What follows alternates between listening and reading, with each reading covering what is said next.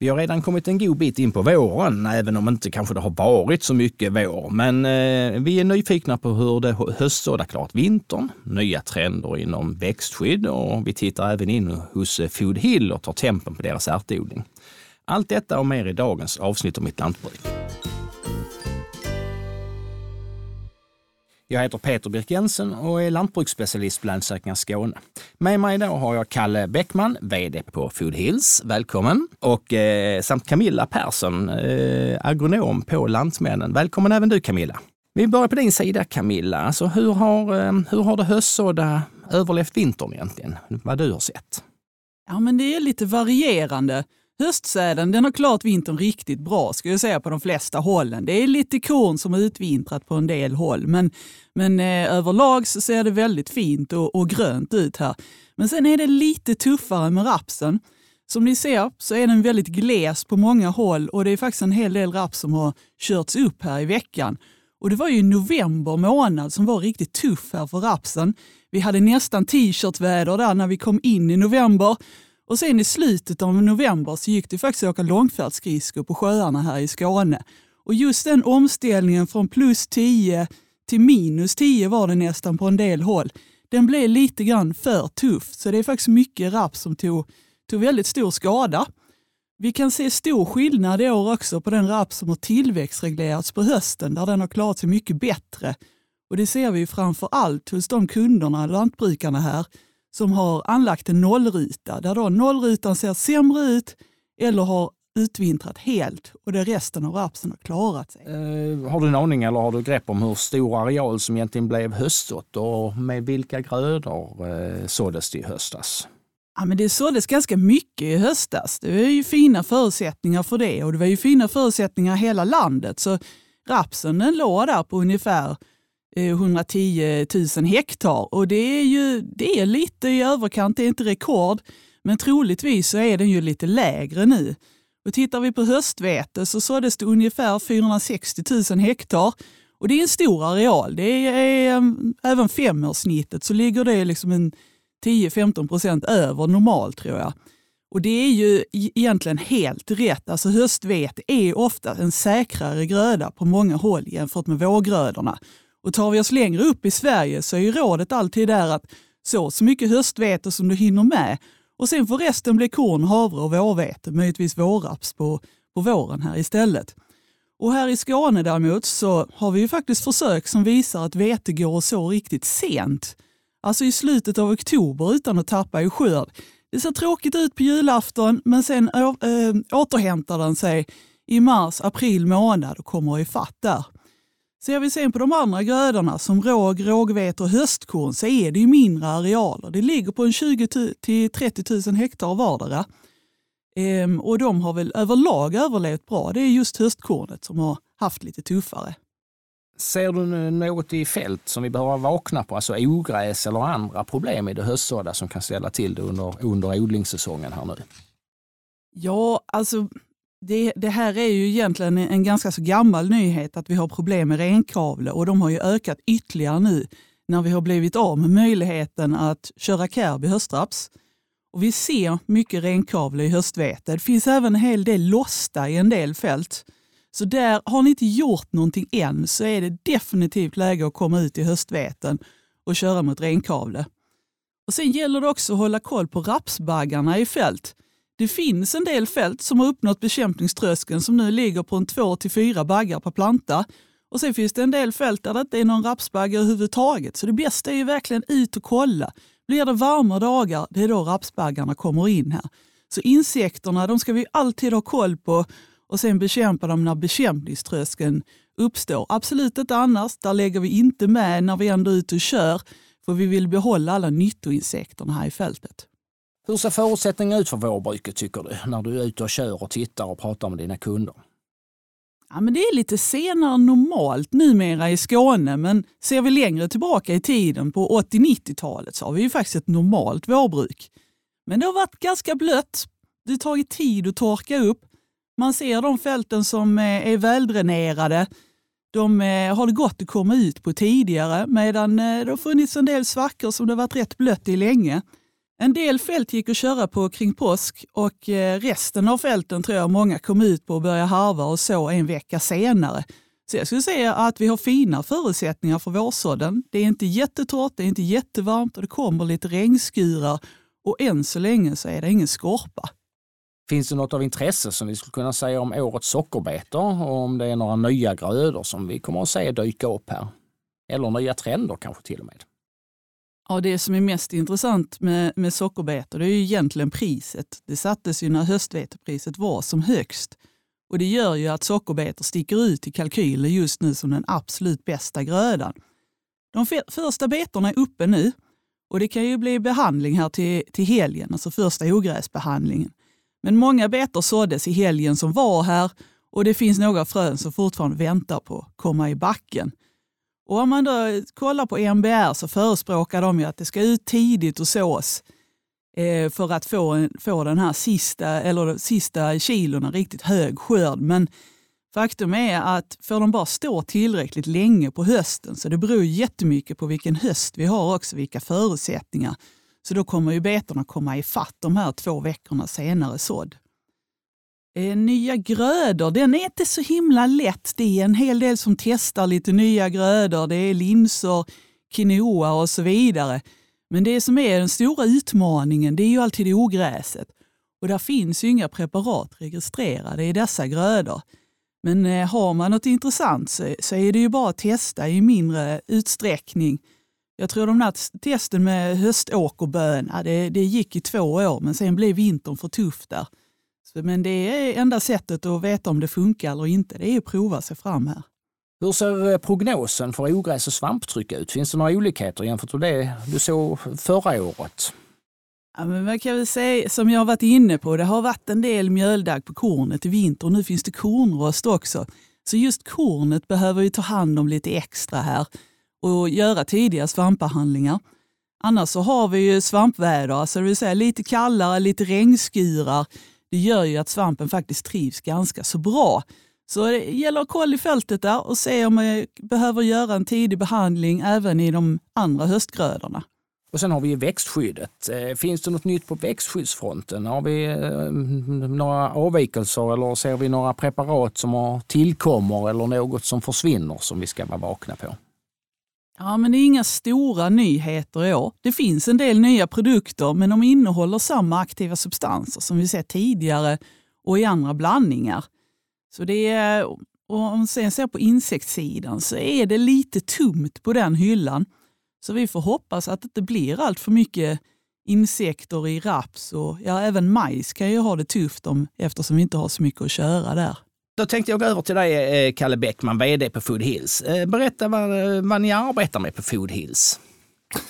Egentligen, det är ganska enkelt. Vi, vi odlar gröna ärtor och vi skördar det och fryser in det. det fryser in det? Ja, precis. Det är, hur, hur ser ärtodlingen ut i Skåne? Eh, den ser väl ganska bra ut tycker jag. Mm. Eh, tittar vi på grönärtor eller, eller eh, märgärt som vi håller på med så ligger vi kring 4000 hektar i Skåne och södra Halland i år. Vi hade en ambition att komma upp i 4 500 hektar men det har varit lite trögt och eh, ja, det är mycket omständigheterna som gjort det. Mm. Men eh, vi, vi expanderar ju hela tiden eh, och det är ju på det är vår sjätte säsong vi är igång nu så att vi har gått från noll till till 4 000 hektar på sex säsonger. Ja, det, är inte, det är ingen dålig marschering det skulle jag vilja säga. Ehm, men, men ni tar även, ehm, det är inte bara grönärtor, ni tar även ärtprotein om jag förstått det hela rätt? Ja, det, det kan man säga att egentligen det, vi pratar mycket om riskminimering och, och ärtor är ju en känslig gröda både vad det gäller värme och, och eh, nederbörd. Och det är ganska svårt att, att eh, parera in allt så vi kör, eller försöker köra överodling ungefär 20 procent. Och de, eh, de 20 procenten tar vi sen som torrärtor. Och det är både till utsäde som vi använder själva, vi säljer lite utomlands, men sen så säljer vi också till Growpro som eh, utvinner ärtprotein av, av grönärten som sen används som, som sojaprotein eller som vilken typ av eller vegetabiliskt protein som helst. Alltså. Ja, det stämmer. Ja. Ja. Ehm, vad har ni för mål och visioner när det kommer till er livsmedelsproduktion? Har ni någon, eh, någon sån här eh, någon fantastisk eh, ja. vy framför er som ni bara ser i en...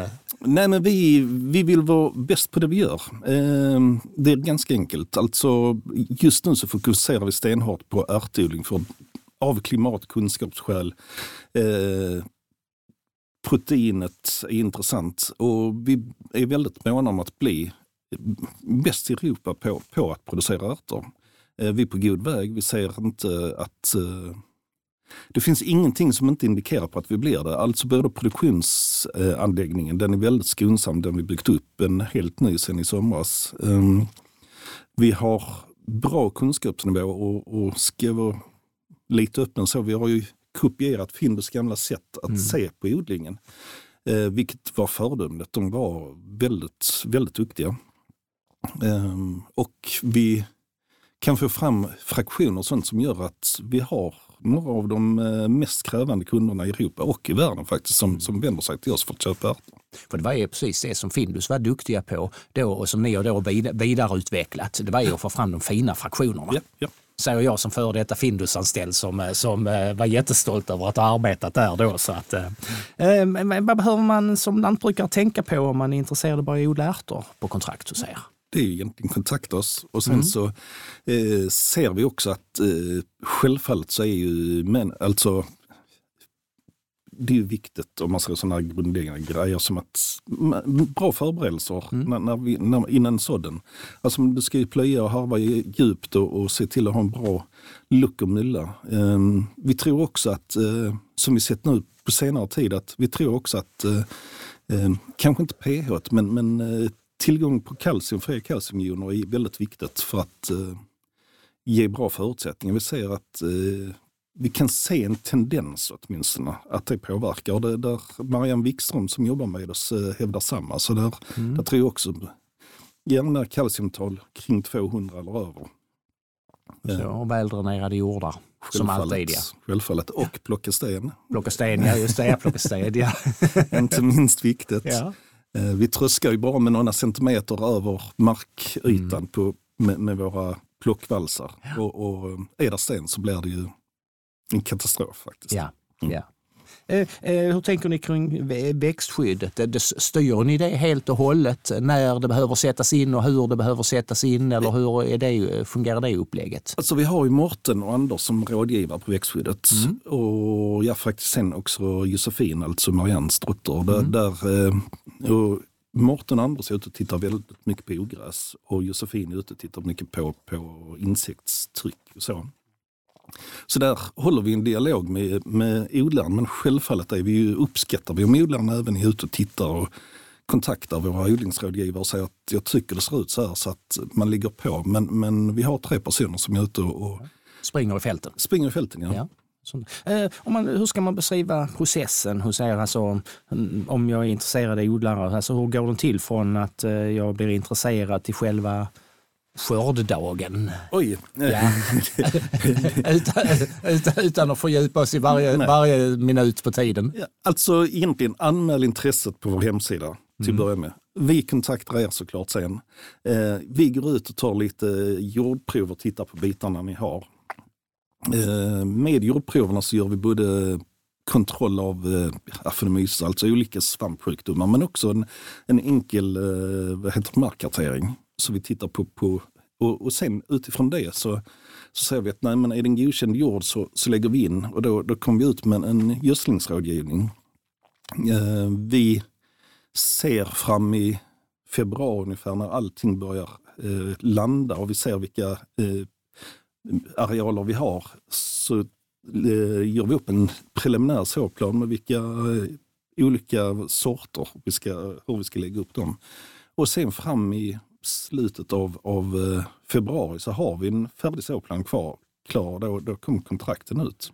Så, mm. det, sen, sen börjar sådden någonstans slutet av mars och sen pågår fram till 20 juni ungefär. Mm, där vid midsommarsvängen. Ja, och ungefär samma dag som vi såg det sista så började vi tröska det första och sen ville vi hålla på att tröska eh, fram till första veckan i september ungefär. Ja, det är en rätt så lång säsong. Ja, ja vi försöker mm. det för att eh, dels vill vi maximalt utnyttja både maskinpark men också fabrik. Och mm. Vi vet ju att eh, det blir lite sämre ärtor på slutet men, men marginalkostnaden den sist producerade ärtan är så pass låg att det är intressant ändå. Mm. Mm. Eh, ja, för man har tagit så många andra kostnader under resans gång. Då, Ja, alltså ja. Sådant, ja. så att, eh, vad heter det, eh, olika sorter, är det, de är olika snabba och ger olika typer av ärtor då gissar jag mig till. Ja, så att, eh, Självfallet. Ja. Ja. Eh, Och förädlar ni fram själva eller ni, nej, det gör, där är ni, utan ni, ni köper in färdiga sorter som passar in i ert Ja. program som sådant. Ja, så att, eh, Vi jobbar med de stora producenterna i Europa och där, där kan man säga att eh, en av producenterna jobbar väldigt nära med och har dialog om hur mm. De är duktiga på rådgivning. Ja. Alltså man kan titta på de här eh, gamla Findus-sorterna, de har vi inte tillgång till för de finns inom Nomad Food så där är ju Ja, stängt. Ja. Eh, Men ja, det vill man vara och det, det är från Varvren och alla de här det, som jag tror faktiskt också eh, alla andra tillverkare jobbar med. Just det. Eh, Vad skulle jag säga, och svampsjukdomarna, du nämnde afanomyces. Eh, mm, provodlar ni ärtor på vintern? Eller hur, hur, Självfallet. Ja, det är så Ja, ni gör för att, för, för att se om där är, är eh, svamp i, i, eh, i fälten? Ja. Alla, alla, jord, alla jordprov provodlas på Mm. Marianne och vi kollar så också risotonia och lite, lite om, om eh, där finns nematodförekomst för att vi Ja. ser risotonia och nematoder i kombination kan vara tufft. Ja, just det. Och sen i kombination med ett dåligt års eh, odlingsmässigt ja, Så, så kan det Och- slå ut ordentligt. Och lite i markpackning och lite Ja. högre halt och hela det. den biten. Just det. Eh, ja, jag konstaterar ju att eh, när vi gick över till uh, börja få uh, Bäderstad rapidmaskiner, då blev, då blev livet enklare som ärtodlare på, på slutet på 80-talet och början på 90-talet där. Ja. För då, kunde, då kunde, behövde man inte ligga och harva på det sättet i alla fall. Nej, samtidigt är vi ju väldigt måna om att vi trycker på att harva ändå hyfsat Mm. djupt och få en luckor såbädd för det, det, det krävs. Och vi vill ju ha ner ärtorna på 68 cm. Mm. För att vi ser också att eh, Eh, nu vet jag inte men någon av dina gamla kollegor så, eh, har alltid sagt det att man, man kan aldrig så ärtor för djupt, de kommer upp. Men, men så man dem för grunt så blir det ingenting av Mm. Det blir det. ingenting och då ska man ha tur. Ja. Då ska man ha tur ja. eh, hur, hur ser det ut? Har ni svårt att få in arealer som behövs eller ser ni några andra problem i horisonten som Alltså just i år och i fjol har ju arealerna varit svåra för alternativgrödorna har varit så mycket mer lönsamma. Och um, ja, stråsa, det, det är inte, vi kunde ju inte matcha det. Nej, nej. Nej. Och tittar man då på grönsakssidan, alltså själva grönsaken, nu, nu hör man ju om tomater och, och paprika som stigit i pris, men tittar vi då på frysta grönsaker så har det haft en ganska modest pr- prisutveckling. Alltså, jag fick siffror nu att prisuppgången på kända varumärken inom ärtor det är 1, 2, 3 procent eh, de senaste åren.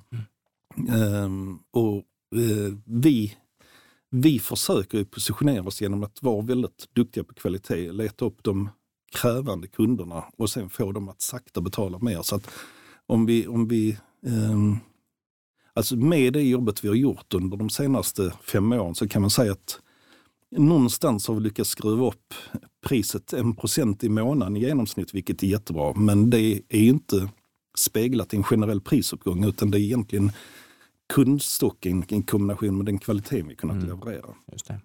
Bulkärtor kan någon annan få härja med. Precis, Så, stämmer. så, så är det. Ehm, hur, skulle du säga, hur ser framtiden ut för ärtor och andra baljväxter om vi nu ser, det, ser ut i Skåne? Så, ehm, Alltså jag, hela trenden går ju mot vegetabiliska proteiner. mm, Sen såklart ingen trend utan där det kommer lite backlash. mm, Men, men med den befolkningstillväxten vi har i, i världen så kan ju den animaliska proteinet, det, finns inte en möjlighet att förse dem med det.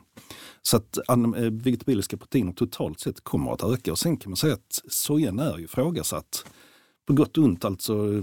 Och, och där behöver vi hitta alternativ i inhemska produktionen, både till, eh, för att vidareförädla i animalier men också för humankonsumtion. Så att tittar vi nu på, på Growpro, vår kund, så, så vet jag att de säljer både för humankonsumtion men de har också fraktioner som de säljer till. djurfoder. Då också. djurfoder, Ja, just ja. det. Som kommer tillbaka som eller animalisk protein sen Ja, i, ja. i andra änden. Ja, ja. Precis.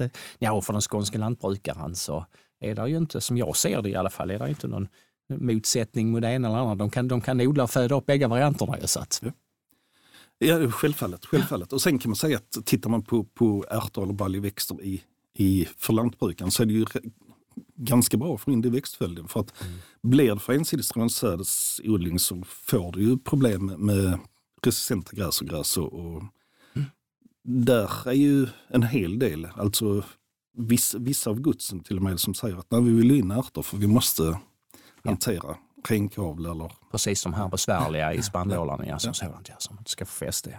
Ja. Hur ser det ut fem år framåt för dig, för Food Hill? Vad, vad, vad, vad ser du då om du kikar framåt i kikaren? Alltså tittar vi nu som vi, här vi står just i år, så har vi byggt upp en eh, produktionsanläggning som klarar ungefär 15 000 ton gröna ärtor. Mm. Och vi, vi kan hantera kanske ett par tusen ton torra ärtor också till GrowPro och sen kommer GrowPro att få se även sin fabrik med andra vad ska man säga, vegetabiliska eller baljväxter. baljväxter ja. Mm. Men vi får inte företaget mer till att gå mer eller mindre plus minus noll på 15 000 ton. Så att vi har ju en ambition att växa upp i storleksordningen 25 000 ton, kanske 6-7 000 hektar eh, odlingsareal. Och sen utöver det så måste vi ju på något vis gå i en eller annan riktning för att eh, få en portfölj av produkter att kunna erbjuda. Så att vi kommer aldrig bli som Findus eller Nestlé, men, men vi måste bygga upp en verksamhet som är långsiktigt bärkraftig och, och den ambitionen har vi. Och om det tar fem, sex eller sju år, jag vet inte för det är, det är kapitalintensivt, arbetsintensivt och vi måste ha kunderna med oss. Men eh, om, om, man ska vara lite, lite stolt så säger vi att i år har vi en ambition att omsätta strax över 150 miljoner. Men jag hoppas ju att vi om fem år omsätter omkring 400 miljoner. Att, eh, och, och, och ärtproteinet är till exempel det är ju en, en, en steg på resan för att, ja, för att ja. alltså bredda då alltså er, er portfölj kan man säga och riskspridning. Absolut, och sen, sen kan man säga att eh, ja, och sen handlar det om förpackningar, det handlar om kanske blandningar, det kanske sätt att presentera ärtorna för att eh, ärtor är ju ett väldigt, väldigt bra livsmedel. Eh, kanske lite underskattat ibland också. Sen skulle jag vilja eh, fråga er båda vad ni ser fram mest mot den här våren som kommer. Vad ser du, vad ser du Kalle? Vad ser du fram emot nu den här våren som kommer nu? Vad ser du mest fram emot? Alltså, just nu är det spännande med sådden. Mm. Eh, och vi... Eh, nu, nu lyssnade jag på TV4 igår med olyckskorpan om, om en väldigt varm sommar. Men jag kan ju säga att eh, just skörden är ju, eh, hur ska man säga, man har många fjärilar i magen. Och det är under 10-11 veckor man har det. Så att eh, sådden är otroligt spännande nu, att allting kommer i, i backen som det ska. Och värme och, och, och Regn i lagom mängd. Ja. Men sen när väl tröskningen och skörden börjar, då ska ju allting annat stämma med personal och allting. Och det är en uh, jätterolig tid.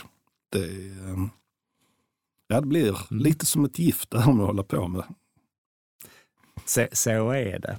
Och vad säger du Camilla? Har, har du några funderingar? jag ser alltid fram emot en fin uppkomst nu på vårgrödorna och en riktigt fin vår när vi så småningom kommer in här i maj månad. Att det kommer någon enstaka regnskurar men även att vi får det här fina glassevädret. Och det, det är riktigt kul när, när vi är inne i växtodlingssäsongen. Det här är faktiskt eh, avsnitt 66 och det sista avsnittet eh, för eh, podden Mitt Lantbruk, eh, för mig i alla fall, då jag går vidare nu med nya utmaningar. Eh, men ni ska inte misströsta, för vi har en mycket yngre och eh, gladare och duktigare förmåga som kommer ta över micken här nu. Och det är nämligen Melissa Dahlqvist som sitter här bredvid mig. Eh, vem är nu du, eh, Melissa? Ja, men jag jobbar ju på marknadsavdelningen på Länsförsäkringar Skåne, eh, främst mot, eh, med marknadsföring mot lantbrukare, men även med vårt skadedjursbolag. Jag har de senaste tio åren arbetat inom lantbruksbranschen, först som lantbruksjournalist och var med och startade upp webb-tv-programmet Lantbruksnytt för, eh, ja det är väl tio år sedan i år. Eh, och sedan har jag arbetat med marknadsföring inom maskinbranschen och jobbar då med eh, bland annat ljusgröna traktorer och skördetröskor och så. Jag är också ordförande i Föreningen för skogs och lantbruksjournalister och eh, kommunikatörer, så jag har ett stort nätverk i branschen. det låter ju jättebra. Vad, vad, vad kan du? Ja, men det är ju en bra fråga. Främst är jag ju journalist och i grunden och eh, har då besökt en massa gårdar runt om i Sverige, men även varit på studiebesök eh, utomlands, i bland annat Sydafrika och USA. Så jag har sett en hel del och träffat många lantbrukare. Men man skulle väl kunna säga att jag är bäst på att ställa frågorna. Eh, jag har ju ett gäng med kollegor här på Länsförsäkringar som kan hjälpa mig med ehm, att svara på frågor gällande ekonomiförsäkringar och för att inte tala om skadeförebyggande åtgärder för att vi ska undvika skadorna. Och jag hoppas ju också få kontakt med er lyssnare lyssnare för att få input på eh, vad som är viktigt för er. Eh, för det är ju faktiskt för er vi gör den här podden. Så jag ser väldigt mycket fram emot mitt nya uppdrag. Det här kommer bli alldeles utmärkt konstaterar jag. Lycka till Melissa med att ta över podden Mitt Lantbruk. Det här var allt för denna gången. Tack till Camilla Persson på Lantmännen och Kalle Bäckman på Food Hill för att ni har medverkat i det här avsnittet om vårbruket och ärtodlingen. Och tack till dig som har lyssnat. Om du vill lyssna på tidigare avsnitt så gå in på www.lansakringar.se skane mitt lantbruk eller så lyssna där poddar finns och då är det bara att söka på just Mitt lantbruk. På återhörande och tack så mycket!